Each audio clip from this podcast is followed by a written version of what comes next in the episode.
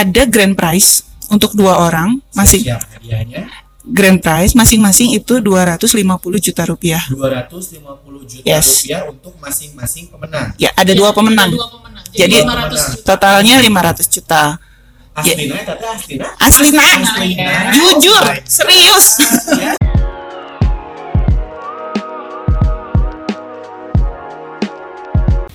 Balik lagi dengan podcast Suara Jati. Kali ini di podcast Suara Jati, Jati nggak sendirian ya, nggak langsung dari kamar juga. Tapi sekarang Jati lagi ada di sebuah kediaman, asik. sebuah kediaman salah satu apa ya? Kalau bisa dibilang mereka ini adalah salah satu penggiat kreatif khususnya dalam bidang linguistik ya, dalam bidang bahasa ataupun juga dalam bidang literasi seperti itu. Jadi teman-teman podcast Suara Jati, Jati nggak sendirian. Kali ini Jati sudah bersama salah satu founder dari grup grup apa sih namanya grup baca atau grup literasi grup literasi Grup literasi, Ah, ah. grup literasi yang punya nama NAD. Ya. Nad. Di sini sudah ada Teh Irma selaku bukos ya. Ya, Oke. Teh Irma di sini. Teh Irma siapa sih? Kok gue tiba-tiba lupa ingatan? Oke. boleh. Halo eh, teman-teman semua pendengar eh, podcast Suara Jati. Eh, nama saya Irma Susanti Irsyadi, salah satu founder komunitas literasi NAD. Singkatannya bukan Nangro Aceh Darussalam, bukan. Bukan ya. Bukan, tapi nulis aja dulu. Nulis aja dulu. Heeh. Ih, ditanya dong kenapa namanya gitu. Oh gitu. Oh ya, ini baru mau tanya emang gini teman-teman Jati ya agak sedikit ingin nonjol. Oke. Teh Irma ini salah satu founder dari grup atau komunitas literasi yang punya nama NAT. Hmm. Apa kepanjangan dari eh, singkatan ya, singkatan yang memiliki kepanjangan dari nulis aja dulu. Nah, Betul. Kenapa sih namanya nulis aja dulu? Ini kayaknya ngajak banget gitu ya orang-orang untuk bisa nulis. Oh iya, karena kan eh, menulis itu sebetulnya keterampilan yang paling susah di antara empat keterampilan berbahasa. Tapi eh, kami ingin mengajak semua orang untuk eh, menuangkan semua pikiran mereka, semua ide mereka, nulis aja dulu gitu. Walaupun itu susah, tapi ketika sudah dilakukan ya pasti akan bisa gitu. Pasti ada jalannya. pasti ada jalannya ya. Iya. Apa pun yang kita anggap susah kalau udah dijalani, dilakuin dengan ada kata ya udah lakuin aja dulu gitu ya. Iya, Dengan betul. Ini untuk memberikan kayak semangat mungkin ya teh. Mm-mm, Semangat untuk ya udah jangan takut untuk nulis gitu ya. betul. Tantangan untuk nulis pun juga selain susah tadi gitu ya, banyak banget tantangan-tantangannya ya. Mm-mm. Nah, pada akhirnya keluarlah konsep nulis aja dulu. Gitu Nulis ya. aja dulu, betul. Mm-mm. Gitu ya. Dan nulis aja dulu ini ternyata teman-teman podcast Suara Jati ya kalau misalkan mau tahu sejauh mana aktivitas dari komunitas literasi NAT ya bisa search aja di Facebook NAT atau nulis aja dulu gitu ya. Betul. Karena Mm-mm. di sana teman-teman bisa langsung join aja nih yang punya bakat mungkin merasa bahwa teman-teman podcast Jati ini seneng banget melampiaskan perasaannya. Betul, betul, tulisan betul. ya, Bisa gabung aja. Tapi ngomongin soal tulis nulis aja dulu nih, eh, Teh Irma. Hmm. Aku panggil Bu Kos aja tuh Teh Irma sih. Oh boleh, yang mana aja bukos Ya, boleh. boleh ya. nah, dari grup nulis aja dulu ini ya, yang mana jadi dengar juga bahwa it's beyond expectation ya. It is, it is ya. Boleh diceritain nggak? Beyond expectation itu gimana? Uh, jadi kan awalnya uh, akhir tahun 2018 itu uh, saya dan beberapa teman ingin sekali membuat sebuah komunitas literasi yang beda dari yang lain. Beda itu dalam arti uh, kami ingin membuat sebuah wadah literasi yang ramah Untuk semua orang. Memang selain dari NAT ini komunitas literasi udah banyak. Banyak banget, banyak banget. Tapi yang ramah dalam arti merangkul eh, semua orang yang ingin menulis masih sedikit dan yang bebas dari muatan politik lebih sedikit lagi. Oke, let's stop talking about that ya. Oke. Tentunya juga kalau ngomongin ramah tadi ya, kalau jadi tangkap di sini ya teman-teman podcast Suara Jati bahwa komunitas literasi ini udah banyak Hmm, ya. hmm. Dan yang bikin beda dari komunitas literasi lainnya dari NAT ini adalah NAT menawarkan ya tanda Hmm, kutip ya, hmm. situasi yang kondusif, ramah dan aman dari panasnya ranah politik seperti itu ya. Betul. Emang apa sih yang sebenarnya terjadi dalam banyak ya teman-teman podcast Suara Jati mungkin yang bagaimana sih yang namanya keadaan dari sebuah habitat komunitas literasi gitu sampai akhirnya Nat muncul dengan pedoman bahwa this is uh, grup yang sangat ramah gitu. Mm-mm, mm. Karena memang eh, banyak sekali komunitas literasi eh, dan beberapa itu eh, condong me- apa ya, condong kepada salah satu eh, apa kepentingan politik misalnya. Contohnya itu ya. Ya contohnya itu. Contohnya itu dan Uh-uh. kita tahu banget bahwa sosial media itu kan semenjak musim politik itu kan panas banget Betul, ya. betul. Gitu, Betul. Suara Jati. Dan ternyata ini masuk ke ranah literasi. gitu ya. Betul dan itu tuh sangat menyedihkan, sangat menyedihkan karena literasi seperti juga pendidikan seharusnya bebas dari segala macam kepentingan. free your mind gitu ya. Yes, gitu. Jadi, Jadi semangatnya di situ ya. Itu Begi- yang bikin satu adalah ini ramah, kutip ya, ramah dari berbagai macam hal yang bikin konflik ataupun juga yang sifatnya ada ya unsur-unsur politik yang bikin suasana jadi nggak nyaman gitu ya. Mm-mm. Selain itu nih kelebihan dari Nat dari komunitas lainnya itu apa lagi? hmm, kami punya beberapa gimmick yang dipertahankan. Apa tuh? Istilahnya film banget ya. Iya. Jadi eh, di NAD ini kami eh, membuat eh, situasi situasi komunitas seperti kos-kosan, Oke. seperti kos-kosan, eh, rumah susu. rumah susun, apartemen atau flat atau apalah ya, yang isinya tuh berbagai macam orang. Oke. Nah, eh, ada tujuh admin dan tujuh admin ini berbeda-beda perannya Oke. karena karena mungkin nggak tahu ya saya yang sering cerewet sama anak-anak NAD kemudian lahirlah istilah bukos sebagai pemilik kos-kosan. Sebagai founder jadi bu kos gitu ya. Ya, yang sering yang sering ngegedor pintu eh, anak-anak untuk bayar kosan. Nah, bayar kosannya itu pakai tulisan. Tulisan ya. Betul gitu. Jadi memang sangat ngajak banget ya, sangat ngajak banget dan juga ibaratnya hmm, empower gitu ya, memberi semangat juga ya. Hmm. Ya, betul. dari- ya kadang kan yang namanya orang nggak tahu ya, kadang ah gue nggak bisa nulis, eh ketika udah nulis bagus gitu ya, Mm-mm. tahu juga ya. Oh, itu mah humble brag itu berarti. Brag ya. Tapi yang jelas ini komunitas ini karena jadi juga sudah join dan sudah tahu juga bagaimana situasi di grup NAT ini dan memang banyak banget sih hal-hal yang bisa kita dapatkan khususnya dalam dunia literasi karena NAT ini gak hanya sekedar ngajak orang nulis tapi punya juga program ya Banyak, banyak banyak, banyak Mm, banget banyak banget, jadi cuma bilang punya eh banyak ternyata banyak.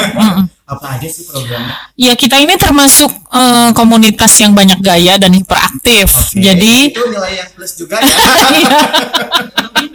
ya itu tahu minus tahu plus ya. Kalau dikatakan dengan sangat confident berarti udah oh jelas. sesuatu yang plus lah. Hmm. Mengakui setidaknya ya. Heeh. bukan confident lagi ini udah sombong Udah sombong. Ini bener parah ya emang parah. Iya. Jadi, ya teman-teman podcast Suara Jati ya. Bu kosnya aja kayak gini udah kebayang kan isinya gimana grupnya. Iya jadi di usianya yang belum dua tahun nih, dua tahunnya baru Desember besok. Oke. Kami sudah punya beberapa event tahunan. Eh, oh Eksistensi belum sampai 2 tahun. Hmm. Aku cek membersnya udah sampai 13.700 member. yes, Oh. Of course itu kan bedol desa ya. Ya. That's a quite numbers. Iya. My God. agak Gimana gimana? Ini jadi nggak nggak berdua tapi ada yang berjoin. Ah. Dulu. Halo eh, nama saya Melani. Eh, saya juga salah satu adminnya NAD Eh, walaupun nggak jelas juga kenapa disebut bos tapi eh, teman-teman di NAD nyebut saya bu bos mungkin sa- karena saya bosi ya Oh gitu. sepertinya sih gitu karena saya suka nyuruh-nyuruh orang gitu jadi ah, ah. jadi mereka nyebut saya bu bos Oke. eh di NAD ini sebetulnya sih jumlah 13.700 itu bisa dibilang eh, pertumbuhannya nggak sepesat eh, grup lain ya. Karena grup lain itu bisa dalam satu bulan mereka nambahin 20.000, 30.000 orang. Mungkin karena orang-orang yang masuk NAD itu eh, lebih serius, lebih selektif. Jadi mereka yang masuk NAD ini memang orang-orang yang pengen belajar menulis. Selektif aja sampai segitu ya, apalagi nggak selektif ya. Eh, iya. Karena eh, kalau dilihat di di grup lain eh, bisa jadi jumlahnya misalnya sudah 70.000 ribu, sudah 100.000 ribu, tapi tingkat aktivitasnya eh, bisa jadi setara dengan NAD. Jadi jumlah postingan per hari tulisan yang masuk itu di NAD kan rata-rata sekitar eh, 70 tulisan. Eh, kurang lebih sama dengan dengan grup lain yang yang jumlah anggotanya sekitar 70.000 ribu itu kan tujuh kali lipatnya NAD gitu. Tapi eh, aktivitas membernya setara lah gitu. Jadi memang di NAD ini eh, membernya lebih serius pengen belajar nulis. Bos ya. Eh, sepanjang eh, Bu Bos ini bicara aku nggak berani nyela loh. Kamu takut dipecat ya? Beda ya orangnya ya. Orangnya langsung berubah aja gitu ya. Tapi nggak kayak aura Dementors ya. Saya tidak menghisap kebahagiaan. Saya menghisap yang lain. Tapi dengan jumlah yang kalau dibandingkan kalau yang apa dipegang aja nanti eh, setiap ini bisa langsung di move. Nah, tadi bilang bahwa angka 13.000 sekian ya members tadi itu mungkin dibandingin dengan grup yang lain bisa dibilang eh, apa ya bisa dibilang mungkin tidak terlalu banyak. Tetapi kan dilihat dari jumlah aktifnya ya kadang seperti itu ukuran yang namanya dunia apa ya namanya dunia media sosial atau dunia digital kayak gini kan yang paling penting itu adalah engagementnya ya. Nah dari NAT ini sehari bisa apa ya bisa mendapatkan berapa tulisan sih dari member yang ada sehari aja let's say 30 sampai 40 ada.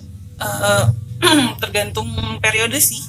Oke. Kalau eh, masa Normal. masa-masa normal lagi nggak ada acara gitu, eh, kisarannya 50. 50 tulisan 50, ya iya. dan dari adanya angka per hari sekian tulisan keluarlah program tadi begitu banyak banget kan tadi saya tanya nih programnya banyak banget kan Iya, eh, intinya sih program ini eh, muaranya memang ke pendidikan. oke Tapi memang kita bagi juga, jadi ada yang sifatnya eh, selain ramah dan juga edukatif ya karena kami anak ikip,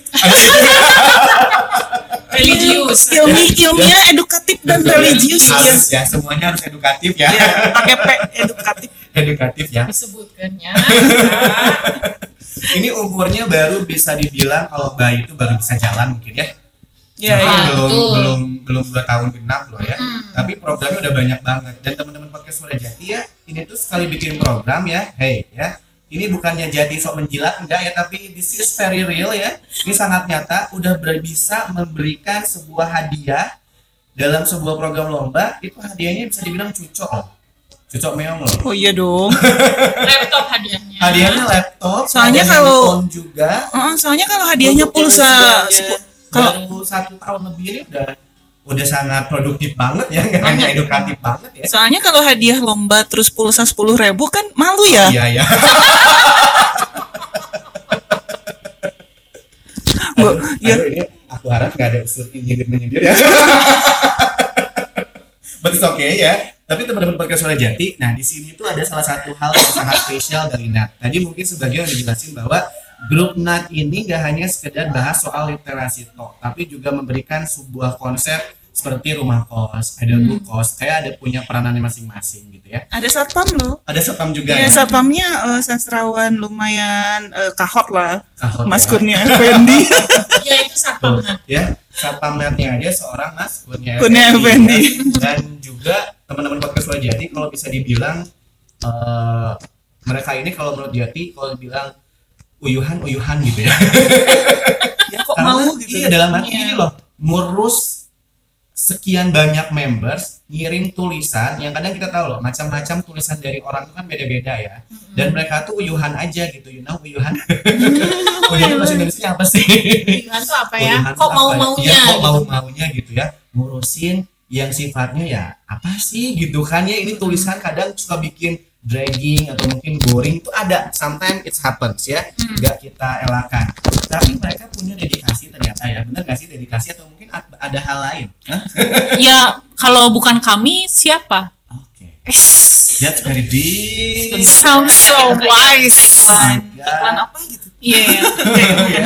jadi memang sudah full heart ya Mm-mm. ya Eh, nggak tahu ya mungkin mungkin Mungkin kalau kalau secara pribadi karena saya pendidik anaknya. Kan Oke. anak UPI tadi, anak Oke. IKIP ya. Jadi memang sudah Sudah ada mengayomi, ruh ya. gitu ya. Ruh. Girohnya, Girohnya udah ada.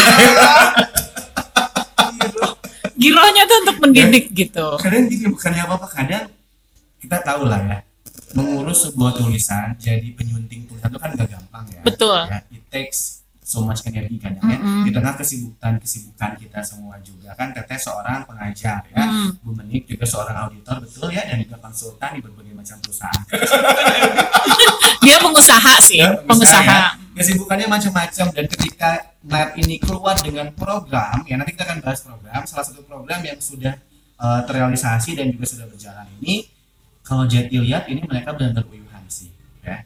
Dan ini sifatnya volunteer sih, betul nggak? Iya, betul. Betul nggak?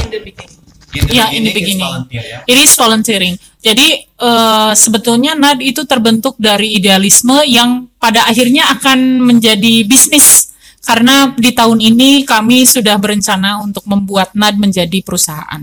Masya Allah.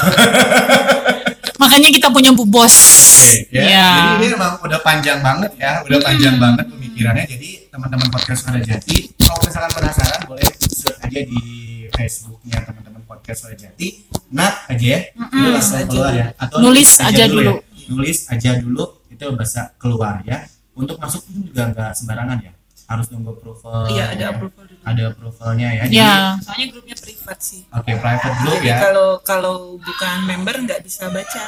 Oh gitu. Iya. Jadi memang sudah harus uh, by approval ya. Iya. Ya semuanya ya. Nah, tadi baik lagi ke program. Tadi jadi tanya soal program NAT ini yang banyak banget ya.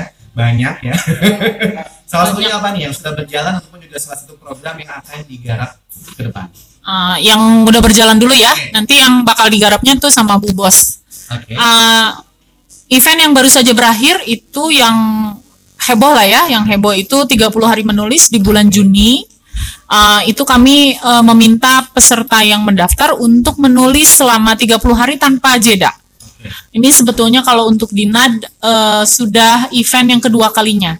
Tapi eh, jauh sebelum NAD lahir, eh, kegiatan ini sudah dimulai oleh beberapa teman dari komunitas film. Nah, dari 30 hari menulis ini, kami berhasil menjaring 429 peserta dan yang berhasil ke finish eh, itu sekitar 300-an. Yang tadi yang hadiah juara pertamanya itu laptop Laptop. Oke. laptop, juara keduanya uh, ponsel, juara ketiganya ponsel, uh, dan ada juara juara-juara yang lainnya itu dapat pulsa, dapat uh, sponsor seperti kosmetik, paket kosmetik kayak gitu. dengan total hadiah berapa sih? Totalnya berapa sih? Totalnya berapa? Hampir Ayo. 15 juta. Hampir 15 juta ya? Ya. Oh my god ya. Itu 15 juta sangat ini banget ya cuman kita cuma kirim tulisan aja ya. Hmm. Kirim tulisan aja, nulis yang benar. Tapi kalau aku lihat ini kalau ngomong nulis yang benar ya, ini buat para eh, pendiri-pendiri naik atau juga admin, Hmm. ini bisa dibilang strict juga ya. Strict gimana maksudnya? Kalau misalkan ada eh, apa namanya, ada kesalahan sedikit, mungkin salah salah, salah tanda baca, kata baku, itu langsung ada editornya tersendiri ya. Eh, biasanya saling mengoreksi sih. Saling mengoreksi. Ah, ah, para membernya tuh udah sudah sangat mandiri. Mereka tuh su- suka saling membantu. Mbak ini ejaannya salah, kata bakunya bukan yang Oke. itu kayak Jadi gitu. memang masuk grup NAT ini memang sekalian belajar tadi, edukasi Betul, tadi. ya. Jadi betul. teman-teman podcast Suara Jati penasaran sih kayak apa ya? Kayak apa nih ramahnya? ramahnya ya, religiusnya ya. Ada tausiahnya juga ya. Tapi yang jelas memang banyak banget komunitas literasi. NAT ini hadir dengan komunitas yang membawa spirit yang berbeda ya, semangat yang berbeda. Satu ramah tadi, juga dua datang dengan konsep bukos ya. Itu gimana sih ceritanya kok jadi ujung-ujung ada bukos? Jadi eh, awal-awal itu eh, anak-anak nadi itu kan eh, ketika ada yang posting tulisan, kemudian saling mengomentari, bercanda, eh, dan kadang-kadang saya muncul, kemudian saya suka cerewetin mereka, misalnya Oke. kalian jangan gitu, kalian jangan gini. Kemudian salah satu anggota tuh nyeletuk, ih galak ya kayak ibu eh, kayak ibu kos. Oke. Nah awalnya dari situ. Jadi kemudian sampai sekarang anak-anak seperti Berarti itu. Memang ada sudah merasa dekat juga ya. Betul. Jadi kayak jauhnya di mana gitu kan? Betul. Seluruh Indonesia kan? Ya seluruh Indonesia. kan? Ada yang di luar Membernya. negeri kok. ada sampai di luar negeri juga Ah, ya, ah, ada di New Zealand, ada di Hong di Kong, Hong Kong ada ya jadi buat teman-teman Belgia. juga ya jadi buat teman-teman kalau misalkan mau menambah pergaulannya memperluas dunia pergaulannya khususnya siapa pun yang gemar menulis bisa langsung kunjungi uh, nah, Nulis aja dulu. nulis aja dulu ya.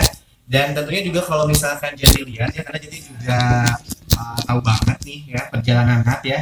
Dari Teh Irma uh, Teh Menik juga ada salah satu teman kita juga ya. Siapa sih? Teh Uyat ya? Teh Uyat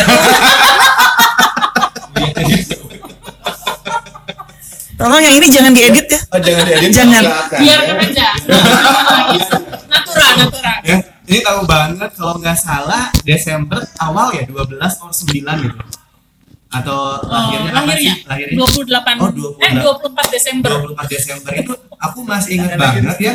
First notifikasi Ruhia ya itu nge-add-ku untuk join di uh, NAN ya. Dan ternyata sekarang membernya udah banyak. Timeline Jet itu almost isinya tentang NAN. Seriously, seriously ya. Bahkan ketika aku mau komen pun aku mikir dulu ya, ini topiknya panas atau enggak? Dan mau panas ini rame atau enggak? Karena sekali buka notif itu ada terus, ada terus. Dan memang bahasannya pun juga kalau misalkan teman-teman podcast Jati, ini macam-macam ya. Kadang ada intrik juga, bener nggak sih? Ya. Kadang kalau kami lagi haus drama sih. Ya, harus kami drama menciptakan juga ya. drama. Jadi gimmicknya nggak hanya sekedar program ya, tapi drama juga ada sampai sana ya. iya betul. Bahkan salah satu sorotan yang paling happening itu kemarin ada bisa dibilang case mungkin ya. Salah satu tulisan dari member Nat itu sempat masuk ke disalin ya mungkin di plagiasi. Oh ya itu di di dicuri, dicuri ya? Dicuri karena kan tidak dicantumkan penulisnya siapa. Oke. Dan dipelintir. oke Tulisan itu tulisan fiksi, tapi kemudian dicuri oleh orang, eh, dihilangkan tulisan fiksinya dan kemudian itu diklaim sebagai fakta. Nah itu kan berbahaya. berarti itu hak cipta juga ya hak cipta. Hak cipta. Kami sempat mau somasi sih sama karena itu kan di, dimuat oleh beberapa media online yang terbilang mereka sudah mapan. punya Se- boleh sebut inisial? boleh, boleh, boleh. Inisialnya era Muslim ya? oke itu bukan bukan Bukan ya? Oke. depannya era belakangnya muslim ya Iya. Eh, ada juga di Sabili. oke Eh, mereka mengambil tulisan itu dan mencantumkan eh, nama orang lain sebagai penulis. Itu kan jelas-jelas pelanggaran. Karena secara jejak digital kita bisa lacak tulisan itu awalnya dari mana. Dan yang berbahaya adalah tulisan itu diklaim sebagai eh, fakta, fakta sejarah. Sejarah ya Oh, Itu berbahaya. Jadi kami menga- me- ya kami serius sih melindungi anggota karena eh, anggota kami cukup ketakutan. Takutnya ada somasi kemudian nanti dari pihak hmm, ahli waris ya karena tu- tulisan itu kan bicara tentang Rahmi Hatta, Ibu Rahmi Hatta. Takutnya eh, tulisan itu eh, dijadikan eh, fitnah kepada Ibu Rahmi Hatta. Jadi kami mengajukan surat somasi ke era, era Muslim. Era Muslim sih menurunkan tulisan ya tanpa meminta maaf. Tapi kalau Sabili sampai sekarang masih tayang tulisannya. sayang tulisannya ya Ya, dan itu udah diantepin aja atau masih on progress atau gimana sayangnya kami sibuk. sibuk ya. Tapi yang jelas maksud maksudku adalah sampai segininya loh ya. Artinya memang Nan ini walaupun suka drama tadi ya, tapi tetap serius ya, tetap serius. Ser- serius kami eh, kami kan menjaga, menjaga apa namanya menjaga stabilitas stabilitas dan juga menjaga hak cipta dari setiap tulisan yang masuk. betul Gitu. kami melindungi anggota karena eh, dia kan ikut serta dalam event itu mengikuti tema yang kami buat walaupun memang eh, temanya cukup umum tapi Jadi dia kejadiannya di tem- di acara 30 hari menulis. 30 hari menulis ya. Oke. Jadi takutnya Memang nanti dia kena sih. Itu angin kenceng ya, Bo ya. itulah Untung saya gede. ya untuk gitu ya. Jadi nagen aja gitu ya. Oke, itu eh, seputaran intrik dari program yang eh, apa adakan ya. Dan tentunya di dalam waktu dekat ini ya, Nat ini banyak banget program. Tadi belum sampai program apa aja, baru ke 30 hari menulis ya. Boleh dikasih tahu lagi nggak kira-kira next project ke depannya itu apa? Karena jadi juga ada ruang belajar. What is this? Ah, ruang belajar dulu deh ya. Ruang belajar itu jadi eh, Nadi ini beruntung karena kami bertemu dengan beberapa penulis senior yang sudah cukup eh, sudah terkenal bukan sudah cukup lagi sudah terkenal di Indonesia. Eh, para sastrawan yang mau berbagi ilmu. seperti betul ya. betul seperti Mas Kurnia ya namanya ada di Wikipedia ya kita belum ada namanya di Wikipedia jadi seperti Mas Kurnia Effendi, Mas Iksaka Banu, Mas Hermawan Aksan, kemudian Mas eh, Joni Aridi Ari Arya Dinata, itu Mbak Ratih Kumala dulu eh, pernah juga jadi juri 30 hari menulis. Mas Golagong itu juga juri. Nah, beberapa dari mereka itu mau berbagi ilmu kepada anak-anak NAD. Nah, maka kami buatkan eh, apa namanya Program. program namanya ruang belajar. Jadi ruang belajar ini dibagi-bagi. Ada ruang belajar menulis cerpen, uh, ruang belajar menulis artikel, editing, copywriting, uh, jurnalistik, uh, apalagi cerita anak, puisi, bahkan kelas bahasa Inggris. Ini memang udah beda banget sama komunitas yang hanya sekedar komunitas ya. Oh iya, tentu saja. Sangat pikir sekali. Sangat dikit sekali. Saya sudah bilang mendidik dari awal ya. Untung pendengar podcast Perajati ini ya demografinya dari usia 25 sampai 40 tahun ya. Jadi mungkin tahu banget IKIP itu apa. Betul. Jadi kan? sejarahnya Jadi sejarahnya itu waktu kami pertama masuk namanya masih IKIP. Masih IKIP ya. Begitu lulus Terus baru jadi UPI. UPI Sudah ya. jadi UPI. Ini lulusan-lulusan UPI semua ya. Betul. Oke, tadi adalah salah satu program yang sudah berjalan dan project yang memang lagi digeluti ya ruang Hmm, belajar hmm, ini. Ke depannya ada next project atau mungkin next program yang teman-teman podcast sudah jadi bisa tahu atau barangkali ada yang mau ikutan gimana caranya? Eh, ini ada program yang eh entah kalau kami belum tahu ya, tapi kalau sependek yang kami tahu belum pernah ada dilakukan di dunia. Oke. Cailah, dunia, beneran loh. Beda ya sependek. Sependek yang kami tahu. Yang Karena kan tahu ya nggak panjang, kami tahunya pendek aja sih. Jadi kalau kami melihat-lihat, gitu ya. Ngomongin bahasa ya. Oke. jadi kalau kami melihat-lihat dari komunitas di seluruh dunia, sepertinya belum ada yang membuat program seperti ini. dunia loh ini eh, bicaranya dari dunia ya. Ya, pede kan? Ya, tapi dari dunia ya. Oke. Karena, karena kan eh, nama tengah saya eh, Melanie eh, Sombong Su- Agustin gitu. Itu my Sombong is my middle name ya. Oke. Jadi kami membuat program namanya eh, eh, Nada Academy. Jadi Nada Academy ini merekrut 10 orang eh, member yang eh, memiliki kualitas tulisan, memiliki attitude, memiliki disiplin paling baik. Dari eh, 13.700 member dan kami mem- memilih hanya 10.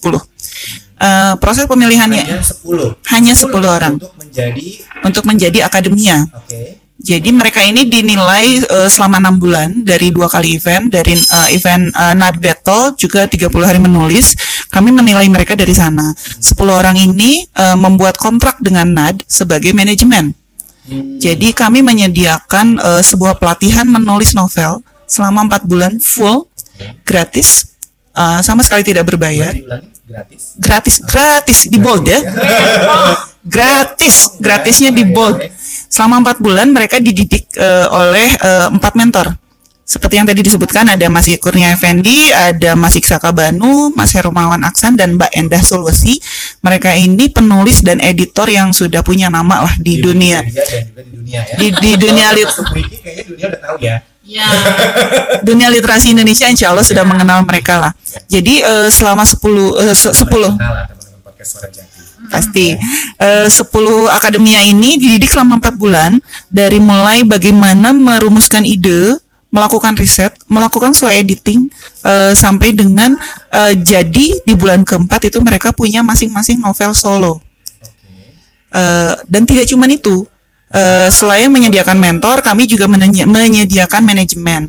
Jadi eh, kami mencarikan ilustrator, kami eh, mencarikan eh, penerbit, kami merancang eh, konsep publikasi dan siap untuk memasarkan mereka. Bagaimana mereka memasuki dunia literasi sesuai sesuai dengan target pasar masing-masing. Karena 10 orang ini target pasarnya beda-beda.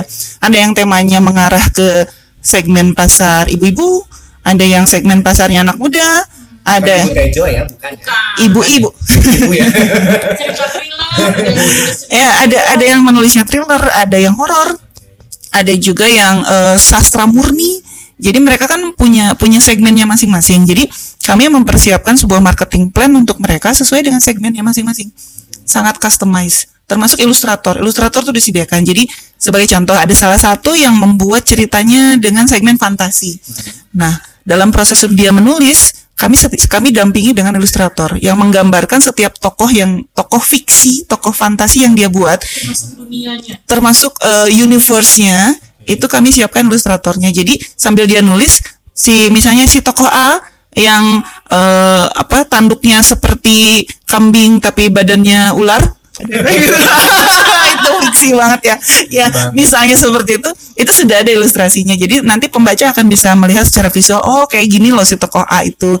Jadi eh, ON dan dan kalau kami baca-baca kami lihat dari grup literasi di mana pun sepertinya belum pernah ada yang melakukan ini Jadi ini kalau bisa dibilang kayak terobosan baru ya.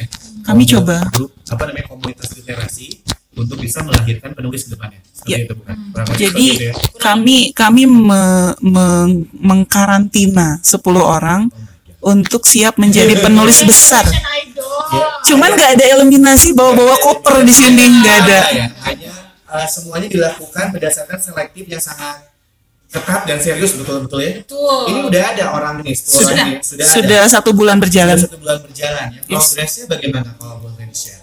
eh excited sih kalau saya Eh, nggak sabar gitu nunggu novelnya nanti lahir Karena setiap hari tuh mereka di benar-benar diawasi ininya dari mulai dari mulai mencetuskan ide, mengembangkan itu menjadi plot cerita, kemudian risetnya bagaimana karena tetap saja fiksi eh, berdasarkan riset sampai ke hal-hal detil yang akan mereka tuangkan dalam novel itu di, dibimbing terus oleh empat mentor ini gitu. Oke, berarti memang memang sudah di- bisa dibilang bahwa Nahat ini nggak hanya sekedar tempat hobi nulis ya, tempat komunitas yang bahas tulisan, tapi juga serius untuk memproduksi ya, menghasilkan justru dengan kami bersikap profesional kami berharap penulis itu nanti juga mereka bisa profesional akan lahir juga ya. lahir Betul. Eh, kami berharap minimal Ya. 10 orang ini eh, di akhir tahun nanti mereka sudah jadi penulis profesional sampai akhir tahun ini. Target Ya, mereka Desember. pro- Desember ya. Ya, sampai Berarti Desember. kita tinggal siap-siap aja nih. Siap-siap beli ya. Siap-siap beli ya. Karena kan 10 novel. akan ada yang namanya Nat Publisher ya. Ya. Ya, nanti itu akan dipublish sendiri sama Nat kan. Eh, publish sendiri sama Nad tapi Oke. bisa jadi kami gandengan dengan Gandengan. dengan penerbit major lain Oke, berarti ini udah udah visioner banget ya, udah lihat banget ke depan ya. banget. Gak hanya sekedar yang komunitas. Kalau disebut dibilang bisnis sih kalau kita jadi no, it's not bisnis, tapi itu lebih ke ya itu tadi gitu ingin melahirkan sebuah penulis dari komunitas yang digarap sendiri ya. Kalau bisnis maybe that's a plus thing. Eh, sebetulnya ada And it's a must thing. ya. sebetulnya ada ada bisnis yang disebut eh, social entrepreneurship ya Iya betul. Nah, Nadini mungkin lebih cocoknya ke sana. Iya. Disebutnya social entrepreneurship, Kak. Tapi inspiring banget loh sebenarnya kalau misalkan di jadi tadi kan berangkat dari komunitas lah, let's say kayak gitu ya. It's all free kan. Ya ini semua free tapi Nggak punya ada duitnya dari komunitas. Tapi kita Tapi- mencoba untuk iya mencoba. Tapi- Dalam tapi hati- itu- hati ya itu tadi. Justru, gitu. justru itu uh, frame uh, apa pola pikir yang salah. Mm-mm. Kata siapa komunitas nggak bisa menghasilkan Nah, itu uang? tadi. Kata Dan siapa? kebanyakan- Kata siapa itu ya. komunitas itu cuma bisa ngabis ngabisin Dan duit? kebanyakan kalaupun menghasilkan uang, komunitas itu selalu terang-terangan. Loh, kami juga terang-terangan, Oh, iya sih. tapi tidak merugikan. Iya, Tidak tidak merugikan. merugikan. Intinya seperti itu kan ya. Kadang ada berbagai macam orang yang membisniskan jadinya, benar nggak sih?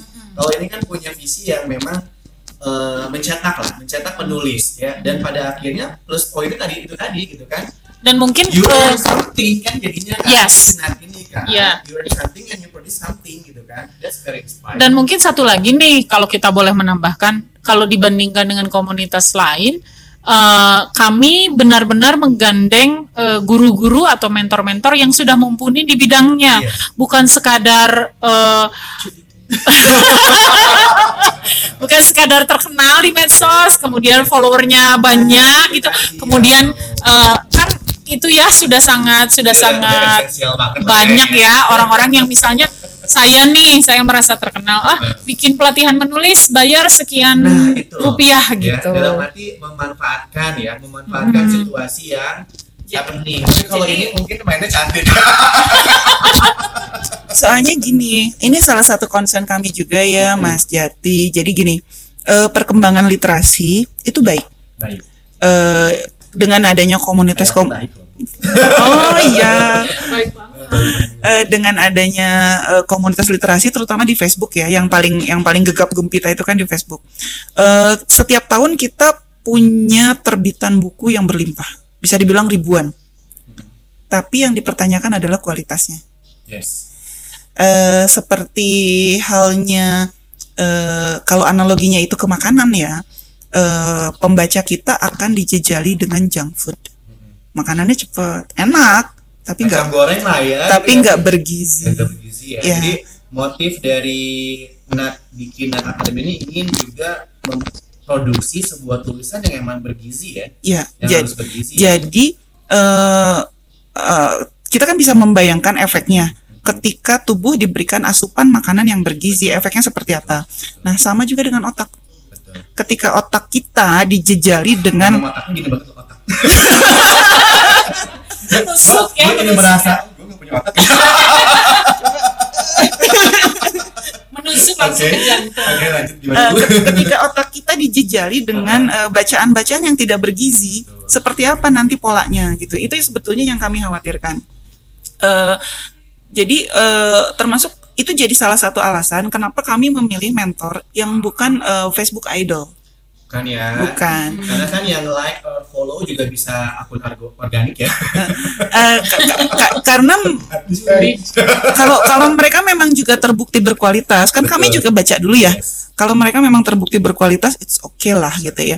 Tapi kalau mereka ini hanya menjadi selebriti di Facebook karena dia punya grup, kemudian follow- follower yang banyak, lalu dipuja-puja sana sini, apalagi yang modalnya foto nggak jelas terkesan ganteng tapi ternyata sebetulnya orangnya nggak jelas Ah, itu sih gue jadi kesindir. itu sih nggak masuk kriteria mentor buat Nggak kami. Aduh sorry ya, lu belum cukup Ya. berkualitas. Sombong ya? Nggak apa-apa Sombong sih. banget sih ya. Emang ya ini mantap ya. Mungkin nanti ada grup tambahan ya. Angkuh ya. Apa itu?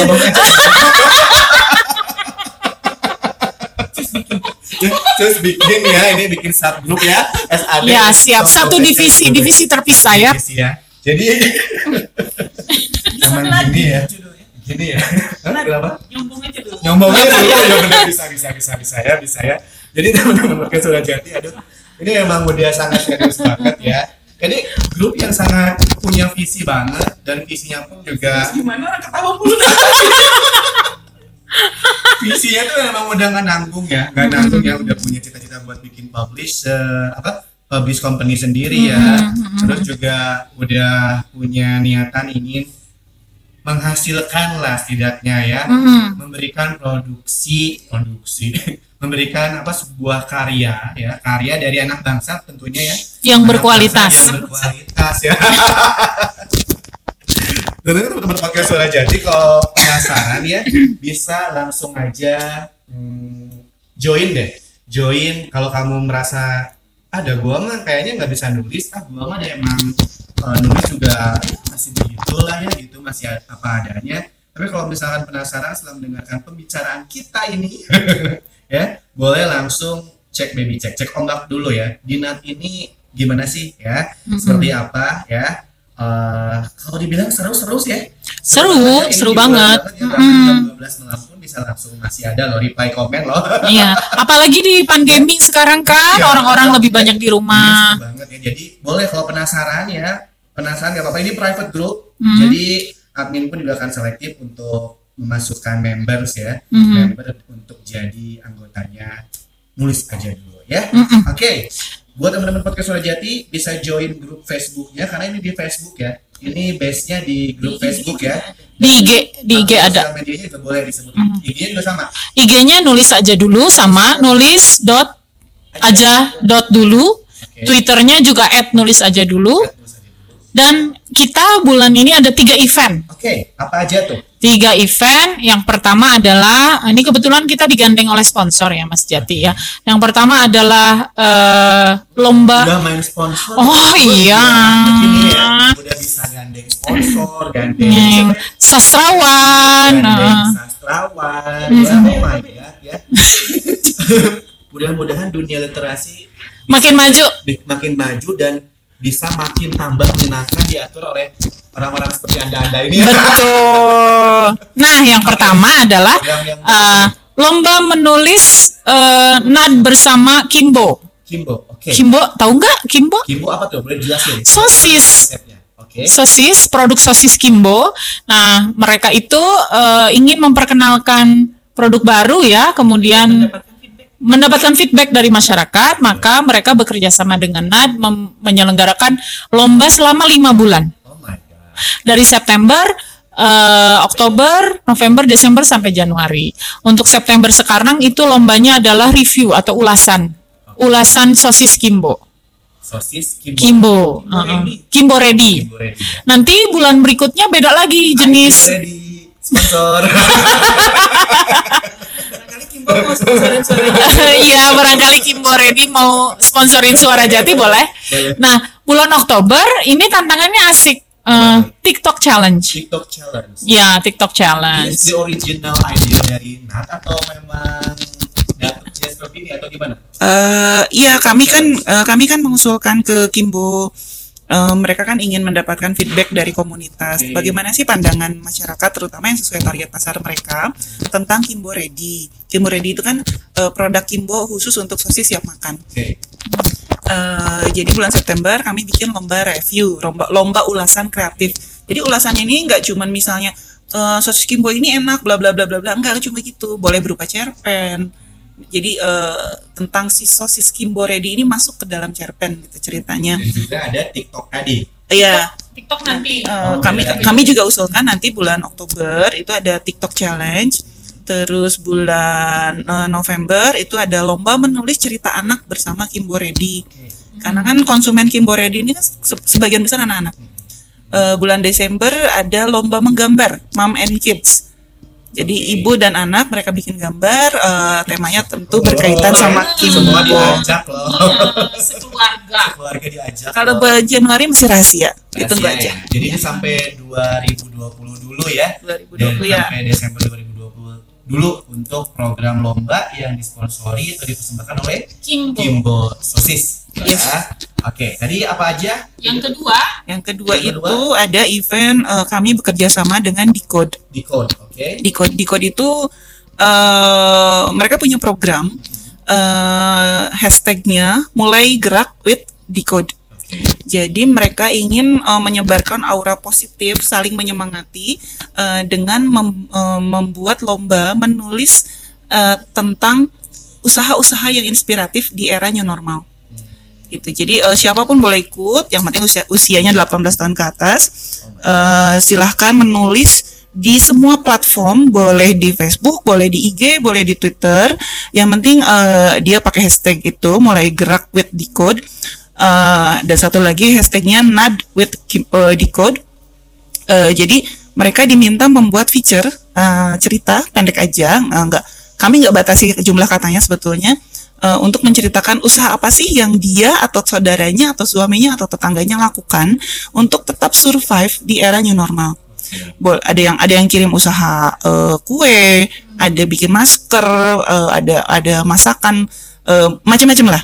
Dan hadiahnya itu ad- eh, ini lombanya sampai dengan November. Ada grand prize untuk dua orang, masing Siap hadiahnya grand prize masing-masing itu 250 juta rupiah. 250 juta Yes. rupiah untuk masing-masing pemenang. Ya, ada dua pemenang. Dua pemenang. Jadi, Jadi 500 juta. Totalnya 500 juta. Aslina, tante Aslina. Asli nak, Aslina. jujur, Oh serius. ya. Dan ini khusus member NAT or Enggak, enggak. enggak? Itu umum. Umum, Umum, ya. umum. ya. Iya. Jadi siapa pun bisa ikutan ini ya. Tapi khusus buat member NAD, Oke. kami ada sortiran sendiri. Oh, I see. 100 tulisan terbaik dari member NAD, kami siapkan merchandise. Oke. Jadi ada kaos, ada merchandise, itu ada Itu 100. peluang untuk dapetin si total hadiah 500 juta ini sama ya. Sama. Sama ya. Enggak ada yang Dan- khusus dari dan nggak cuman Enggak ya. Nggak cuman grand Oh prize ya. kan ada hadiah mingguan Sudah sepanjang ini ya masih ada lagi ya. Ada. setiap minggu itu uh, ada dipilih uh, harus dipotong simpen di depan kayaknya nih ya. jadi setiap minggu itu ada ada uh, pemenang mingguan pemenang mingguan itu dapatnya macam-macam gadget ada yang dapat uh, apa Nintendo namanya Switch. Nintendo Switch pasti Oke. mau pasti mau pasti ngilat ada ada uh, VR headset Oke. ada wireless earphone pokoknya ada 66 gadget yang dibagikan uh, setiap minggu Hadiah mingguan. Uh, jadi satu minggu itu kalau tidak salah ada lima Ada lima ya. lima lima lima unit yang dibagikan Setiap minggunya. Setiap minggu. Lima unit yang tadi disebutkan itu akan dibagikan betul untuk Uh, pemenang mingguan pemenang mingguannya ya. Ya. Jadi memang ini ah, udahlah ya. keren banget dan dan itu nulisnya cuma satu ya. kali lagi ya? Kapan lagi ya? Coba. Di tengah pandemi kayak gini bagi-bagi ya. Bagi-bagi Ya, hadiah betul. segitu banyak. dan yang dilakukan kan menyebar aura positif bahwa kita tuh nggak diem aja gitu di di di era susah sekarang ini nggak nggak cuman diem aja rebahan gitu Jadi kita harus bisa menghasilkan sebuah produktivitas yang bisa menghasilkan juga keuntungan buat kita ya. nggak cuman usaha diikutin lomba juga Betul ya, itu juga salah satu usaha Tadi kan. si ya. sosis Kimbo eh, hadiahnya belum disebutkan. Oh, Oh iya, kalau satu skimbo itu hadiahnya apa? hadiahnya itu ada hadiah bulanan Oke. hadiah bulanan itu totalnya ada satu juta lima ratus Eh, itu untuk lima ya untuk lima orang pemenang jadi ada lima ribu ada empat ratus ribu dan sebagainya itu di eh, bulanan Eh, untuk eh, grand prize-nya nanti di akhir periode itu ada satu unit laptop. Oke. Ya, berarti ini memang lomba yang memang bisa dijadikan buat teman-teman podcast Rajati kalau ingin mengasah kemampuannya juga dalam menulis khususnya ya dengan era yang saat ini lagi menghadapi era semuanya susah ya. Serba susah tapi ini ada kesempatan buat teman-teman podcast Rajati untuk bisa mendapatkan hadiah yang spektakuler banget ya Betul. lomba bersama Kimbo Sosis dan juga lomba bersama Decode ini periodenya mulai dari bulan ini ya Udah, Bulan- udah mulai. Udah mulai ya. Udah mulai. Sudah mulai sampai nanti periode kalau bisa dibilang Desember ya. Mm-mm. Ya. Untuk Desember Kimbo. Untuk Kimbo, terus di code November. Di November ini ya. Nah, buat teman-teman podcast Jati, kalau misalkan ada yang ketinggalan soal informasi lomba yang ini sih speechless banget ya, lihat hadiah total 500 juta loh ya. Cuman modal nggak cuman ya, nulis ya. Nulis. Something yang memang harus diusahakan ya, karena nanti juga yang dipilih pun juga akan pemenang yang benar-benar layak ya Mm-mm. untuk bisa mendapatkan hadiah tersebut. Kalau teman-teman podcast Surajati ketinggalan dengan informasi ini, nanti bisa lihat aja di tautan caption podcast Surajati atau di covernya. Nanti Jati akan eh, informasikan syarat untuk mengiku- mengikuti lomba dari Kimbo Sosis dan juga Dikot yang dipersembahkan oleh ini langsung Nat yang mengajakannya langsung Nat. Langsung Nat ya dipersembahkan oleh nulis aja dulu atau nanti ya. Oke, terakhir ada yang mau disampaikan dari Ibu Tejo dan Ibu Tejo satu dari Teh Irma Bu Kos yang di Ini ini. eh, masih ada eh, event-event berikutnya tapi Oke. karena belum fix ya, jadi kami belum bisa. Tuh kan ya, ini Masih, masih. masih panjang sebenarnya. Jadi ya. kalau teman-teman mikir Oh mikirnya itu eh, sebulan atau enam bulan ke depan, oh kami sudah berpikir untuk lima tahun ke depan. Lima tahun ke depan ya, jadi oh my God, ya ini aduh, Iya. Ini berapa orang yang beresinnya? Awalnya kami bertujuh, tapi sekarang kami punya beberapa anak-anak NAD aktif yang kami rekrut menjadi moderator. eh, panggilannya Kriuk. Panggilannya Kriuk ya. Itu dari The Cruise. Dari ya, The Cruise. Dari krunya krunya NAD menjadi Kriuk. Kriuk ya. Gitu. Udah, pokoknya ini aku juga speechless banget ya lihat hadiahnya dia udah yang ingin banget ya. Gue bisa ikutan kan? Boleh, boleh, boleh ya, banget, boleh Eh, banget. ya. Aku juga suka nulis loh. Ya, Oke. untuk 250 juta apa sih yang kamu nggak mau ya? Oke lah ya. Nanti kita akan capek-capek dulu. Oke, dari Bu Kos ada yang mau sampaikan terakhir as closing. Ya mungkin eh, kami kami berharap memang NAD memberikan banyak sekali hal yang positif untuk anak-anak NAD eh, utamanya dan umumnya mungkin Di untuk hiruk pikuk dunia persosial mediaan dan yang selalu up and down ya dengan berbagai drama dan sebagainya. Kami berusaha melakukan eh, sesuatu yang positif, eh, paling tidak untuk para penulis eh, atau mungkin yang juga cuman baca gitu. Kemudian eh, ke depannya juga kami ingin memberikan kontribusi lebih lah kepada masyarakat Indonesia cie di dunia literasi ya kan. dunia literasi ya. Betul. Menjadi bagian yang ya punya arti yang cukup besar. Betul. Dari Ibu Menik, silakan. Closing statement ya. Closing statementnya, ya Cuan. Cuan. Is number one. eh ya karena itu dia eh banyak komunitas yang berumur pendek karena tidak mampu untuk eh, mencari bahan bakar. Dan tentu saja salah satu bahan bakarnya itu selain semangat itu kan urusannya adalah duit ya. Jadi eh Dina ini memang lah ya. Ya. Ya. Jadi Dinad-. Jadi Dimnad itu eh, apa namanya? Ini ini berkah buat kami. Kami punya orang-orang yang eh, lengkap. Ada yang mikirin idealismenya, ada juga yang mikirin sisi komersilnya. Karena toh memang hidup nggak bisa berjalan hanya dengan idealisme toh. Betul. Iya. Ya, Cuan is number one juga lah ya. Number one. Jadi uh, cuan is number one, idealism is number uh, Second one mungkin ya. 0,1. 2,1 ya. Saya yang bagian ininya, Iya, idealisme. idealis, idealismenya. Pokoknya ini semuanya udah udah kalau bisa dibilang udah on map semua ya. Udah mapping semua peranannya udah udah ke map semua ya, udah mau dibawa ke mana, udah tahu banget tujuannya seperti apa. Kita juga udah dengar sama-sama teman-teman podcast Suara Jati bahwa NAP ini bukan hanya sekedar komunitas literasi saja yang aktif hanya di dunia komunitas itu saja, tapi ini udah bisa melebar, udah luas, udah panjang, udah ke depan ya. Terlepas dari urusan cuan or segala macam pun juga ini adalah sesuatu yang sangat inspiring banget. Itu teman-teman podcast Suara Jati, thank you buat Bu Kos dan juga Bu Bos ya Ya. yang Thank sudah hadir di podcast Suara Jati untuk berbagi soal NAT dan juga memberikan informasi yang sangat bermanfaat banget, bisa jadi peluang buat kita semua untuk bisa dapetin berkah di masa sulit yang Amin. ya. Oke, thank you so much teman-teman podcast Suara Jati. Kita akan kembali ketemu di episode selanjutnya di podcast Suara Jati.